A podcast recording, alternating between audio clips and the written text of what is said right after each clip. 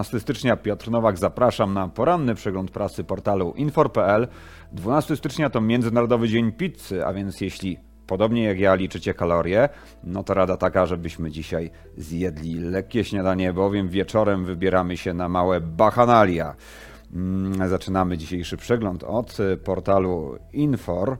A tutaj informacja o dyrektywie NIS 2, czyli zaleceniom Unii Europejskiej dotyczących cyberbezpieczeństwa, bowiem wchodzą w tym roku nowe przepisy, które nakładają na operatorów, na instytucje publiczne, na duże firmy, które kwalifikują się do miana instytucji publicznych, instytucji i organizacji publicznych daleko idące obostrzenia i obowiązki dotyczące zgłaszania, raportowania, a także przygotowania infrastruktury cyfrowej własnej firmy na wypadek cyberataków. Tymczasem 25% organizacji nie wie nawet, że dyrektywa ich dotyczy. Także mamy tutaj sporo do nadrobienia, jeśli chodzi o świadomość, jak również i działania. O tym wszystkim w dzisiejszym tekście na portalu Infor. Zobaczcie, czy te przepisy nie dotyczą przypadkiem właśnie Waszej firmy. Również e, portal Infor informuje o ryczałcie, bowiem wszyscy ci, którzy rozliczają się e, ryczałtem, czyli podatnicy, których dochody nie przekraczają 9,2 miliona złotych, już nie do końca lutego, a wcześniej. Do kiedy się trzeba rozliczyć z ryczałtu? O tym dowiecie się z portalu infor.pl na dzisiejszej pierwszej stronie. Tekst Tomasza króla na ten temat. Z kolei portal InforLex, czyli niezawodna asystentka każdej księgowej, każdej kadrowej, donosi o wszystkich nowych podatkach i rozliczeniach podatkowych w roku 2024, czyli za rok 2023. Mamy się tutaj rozliczyć m.in. z Pefronem, a także z Fiskusem. O jakich podatkach mowa, tego dowiecie się z tekstów InforLexie. Mamy piątek, a więc y, dodatek y, magazyn do dziennika Gazety Prawnej.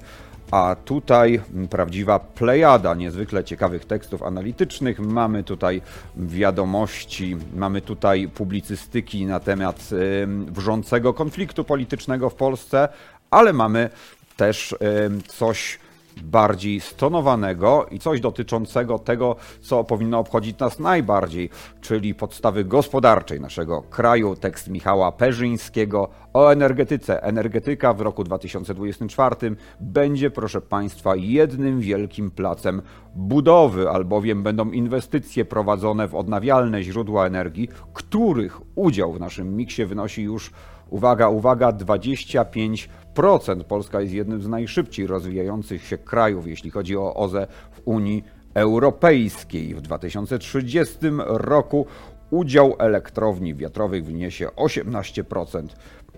Udział fotowoltaiki 19%. Nie oznacza to jednak, że nie napotykamy na pewne ciężary. Otóż rynki finansowe niechętnie inwestują w nasze kompanie energetyczne ze względu na to, że te kompanie bardzo często mają w swoich portfelach jeszcze wytwarzanie prądu z węgla, a inwestorzy w węgiel inwestować nie chcą. O tym wszystkim w tekście Michała Perzyńskiego, dzisiejszy magazyn Dziennik Gazeta Prawna. Rzeczpospolita. Rzeczpospolita o obawach przedsiębiorców. Mówiliśmy ostatnio o tym, że przedsiębiorcy są zadowoleni. Okazuje się, że nie zawsze i nie wszyscy i nie w każdym temacie. Z pewnością bolączką polskich firm jest wysoka stawka energii, a także surowców mineralnych czy też materiałów budowlanych, jak pewnie się domyślacie. Branżą, która szczególnie boleje nad tymi wskaźnikami jest budowlanka. Same koszty pracy urosły o 93%, natomiast ceny materiałów przeciętnie o 88%, mówi Adam Łącki, prezes Krajowego Rejestru Długów Biura Informacji Gospodarczej. To tekst Piotra Skiworowskiego, dzisiejszy dodatek Biznes Rzeczpospolita. Mm, ból głowy mają również księgowe, gdyż największym priorytetem w obszarze podatkowo-księgowym w najbliższych trzech latach będzie zapewnienie zgodności, czyli chodzi o dostosowanie firmy do nadchodzących zmian podatkowych. Ponadto Będzie wyzwaniem również dostosowanie technologii do nowych e, wymogów, dostarczenie analiz i ekspertyz. Więcej o tym w tekście Katarzyny Kucharczyk. To jest również Rzeczpospolita.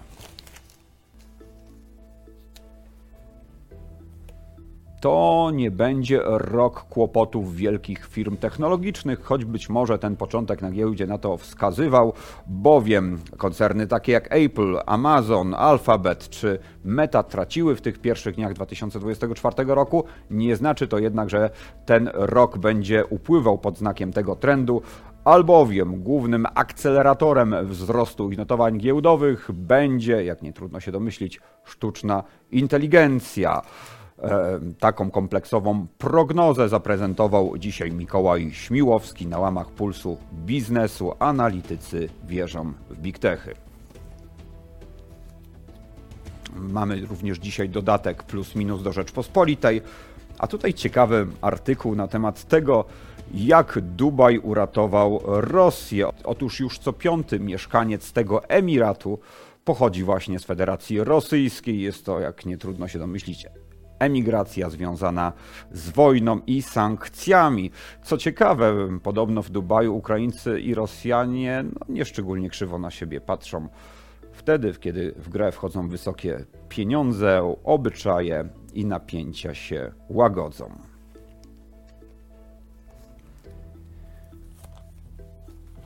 Dziennik Polska dzisiaj donosi o protestach pod Sejmem, ale mamy tutaj również e, wywiad z człowiekiem, którego ja szczególnie cenię. Antoni Dudek, historyk, autor niezwykle ciekawego podcastu na temat historii najnowszej na YouTubie, którego głos jest zawsze wyważony, gdyż jest to facet tak nie do końca uwikłany w te napięcia bieżącej polityki.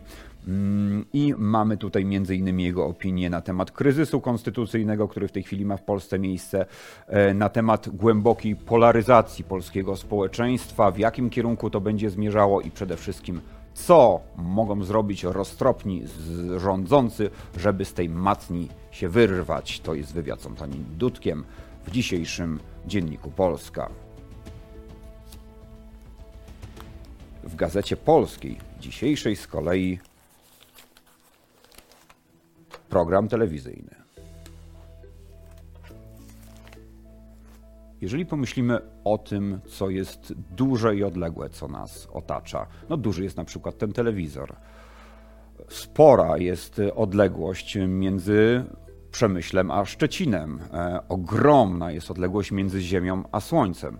Tymczasem brytyjscy naukowcy odkryli coś naprawdę ogromnego. Otóż 9 miliardów lat świetlnych stąd, powiedzmy sobie, całkiem niezły kawał drogi, znajduje się kosmiczna megastruktura. Są to powiązane ze sobą grawitacyjnie kłącza zawierające gromady galaktyk, które rozciągają się na obszarze, uwaga, 1,2 miliarda lat świetlnych. Dla porównania, odległość pomiędzy Ziemią a drugą najbliższą gwiazdą Proximą Centauri wynosi jedynie 4,25 roku świetlnego.